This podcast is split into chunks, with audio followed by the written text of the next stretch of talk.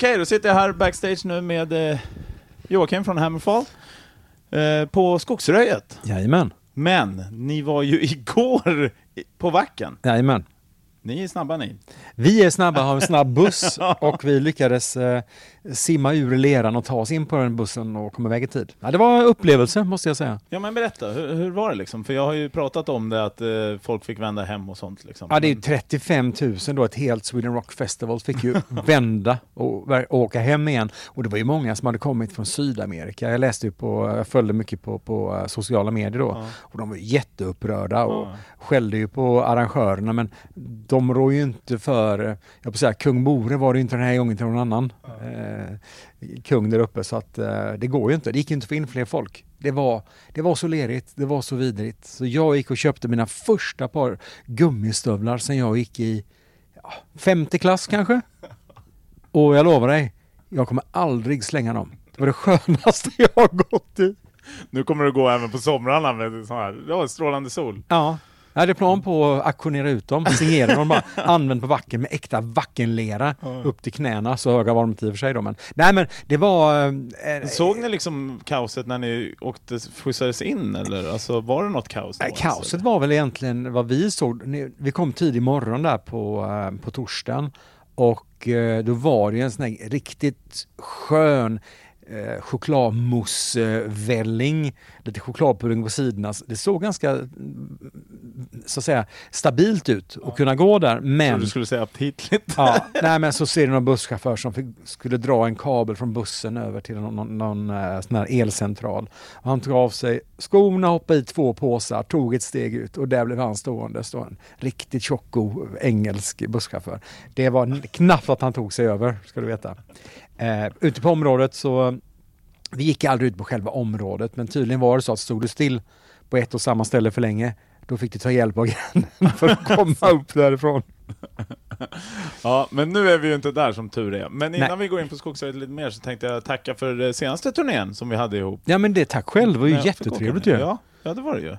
Och man blir ju lite så här, det är sorgligt nu, jag läste att KB, där, vi, där ni spelade Mm, och där jag mm. sände live från, det stänger ju nu alltså då officiellt den 16 september tror jag det stod. Mm. Men att de skulle köra två veckors festande. Jag trodde ju typ att ni skulle vara de sista som, som spelar där, men det blev inte riktigt så. Nej det blev inte så, de tyckte att det var så bra när vi var där så att vi kör två veckor till. Ja, men det tror jag. Det Men de ska väl öppna upp någon annanstans va?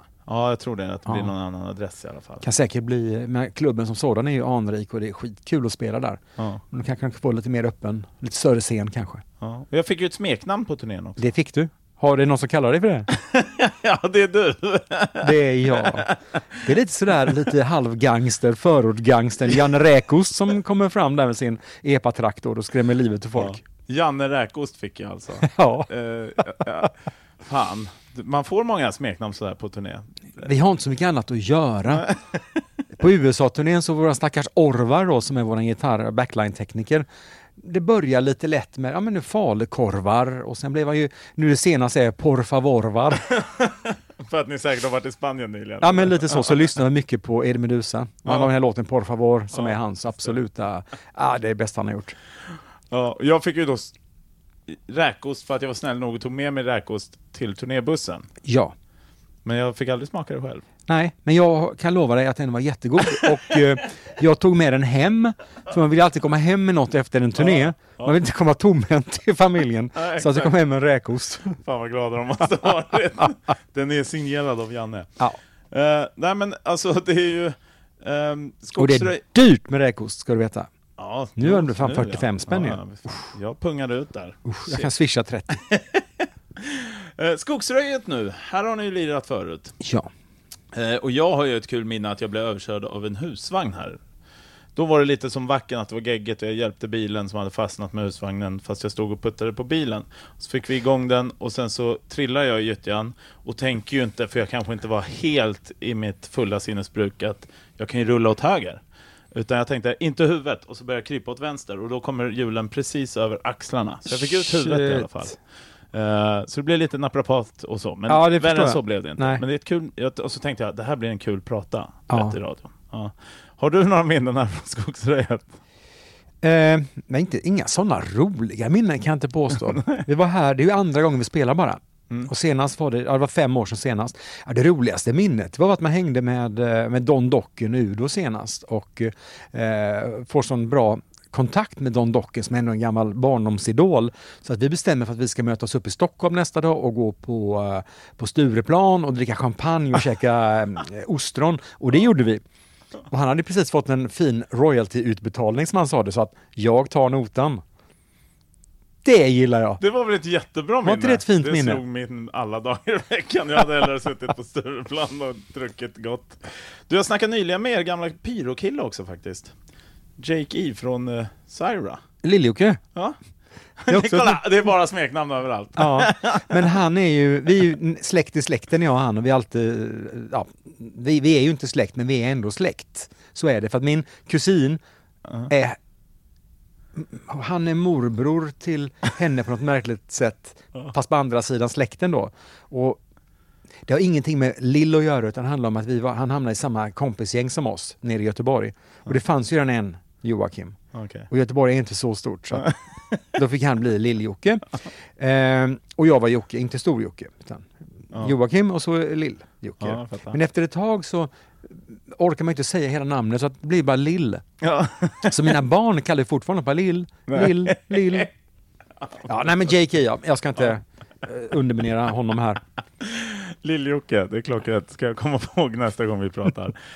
Just det, alltså för dig som har gjort så många spelningar nu och så, vad skiljer liksom en bra eh, konsert från ett, ett grymt gig liksom? Vad, vad, vad är det som måste komma till för att det ska ske eller tvärtom? Jag tror att det är ganska personligt hur du, eh, hur du mår mentalt när du går in på scenen och du levererar.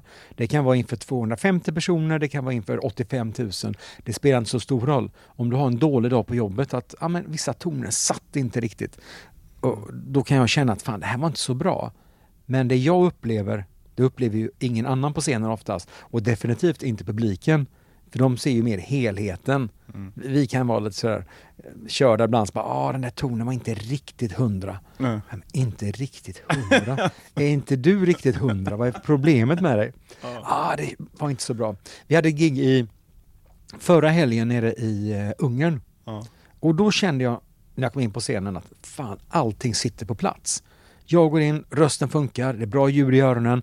Jag känner att hela bandet är taggade, alla är på. Och då fick man en riktigt magisk spelning.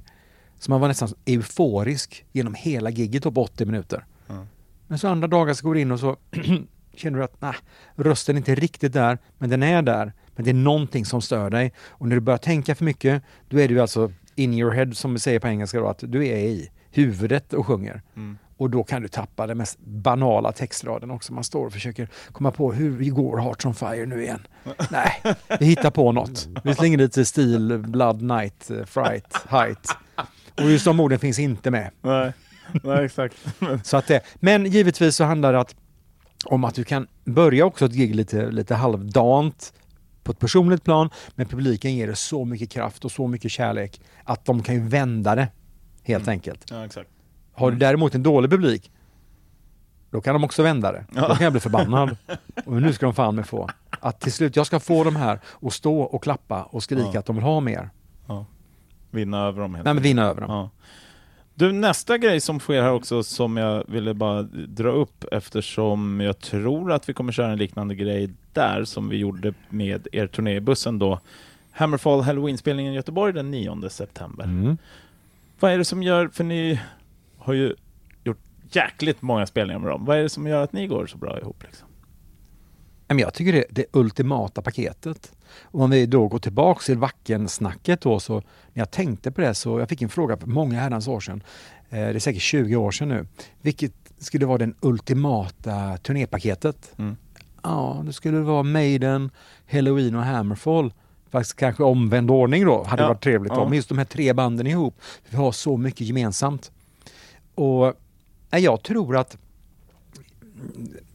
att just fansen, de som har varit med länge, de har ju upptäckt oss via Halloween och de som är lite yngre, de kan ha gått den andra vägen, vilket som är faktiskt är sant eh, ibland att ja, men jag upptäckte heavy metal tack vare er, säger de till oss. Mm. Att bara, ja, men då, då, då, då finns det ändå att vi, vi är viktiga i historien.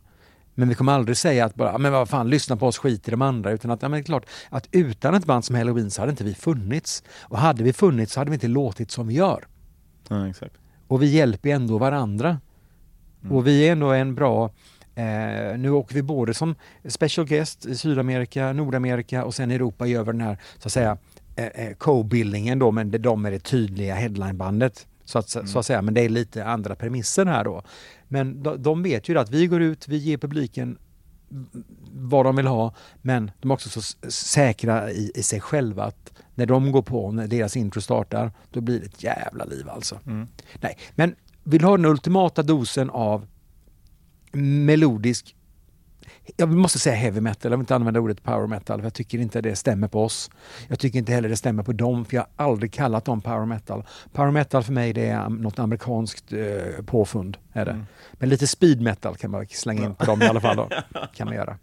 Men rent eh, alltså så här eh, personkemiaktigt och så med bandet, hur, hur går ni ihop? Vi har ju känt varandra sedan vår allra första turné. Det var ändå Kai Hansen som handplockade oss till Gamma Ray-turnén 97 Mm. när vi precis hade släppt debutplattan. Vi, första giget vi gjorde utanför Sverige.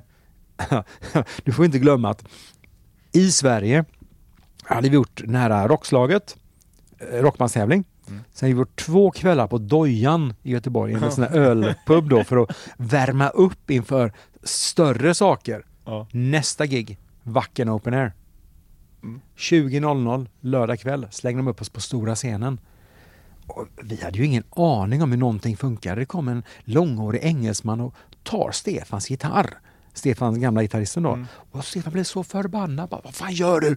ja, men jag är eran gitarrtekniker. Bara, Va? Jaha, vad ska du göra då? Vi hade ju ingen aning hur någonting funkade. Kai var där och kollade konserten och så gick det ganska snabbt. Han bara, "Nej, men jag vill ha med de här killarna på, eh, på turnén. Och för mig var det så stort, för Kai har alltid varit en husgud. Både som gitarrist, låtskrivare och som sångare. Mm. Och på den turnén träffade vi eh, deras bokningsbolag som vi fortfarande jobbar ihop med. Så att vi, vi, har, ja, vi, vi har följts åt genom karriären. Och så Halloween stötte vi på redan när vi spelade in Crimson Thunder för då var vi nere hos Andy Deris i hans studio på Teneriffa. Mm. Spelade in den så att eh, ja, men det är typ polare som drar ut på turné. Mm. Och en gladare människa än eh, Groskopf. Marcus, det är svårt att hitta. Han ville ju emigrera till våran buss för han tyckte det, hans buss var så jävla tråkig. Här är i alla fall lite fest sa han. Ja. Så han har alltid med sig någon som typ hovar in honom så den klockan 02.00 när de ska åka. Kom nu! Ja, Jag tycker det är fina avslutande ord. Tack så fan Jocke och ha så jävla roligt eh, ikväll. Tack själv och det, det ska jag. Ett poddtips från Podplay. I podden Något Kaiko garanterar östgötarna Brutti och jag, Davva, dig en stor dos skratt. Där följer jag pladask för köttätandet igen. Man är lite som en jävla vampyr. Man har fått lite blodsmak och då måste man ha mer. Udda spaningar, fängslande anekdoter och en och annan arg rant. Jag måste ha mitt kaffe på morgonen för annars är jag ingen trevlig människa. Då är du ingen trevlig människa, punkt. Något Kaiko, hör du på Podplay. Därför är gardinerna.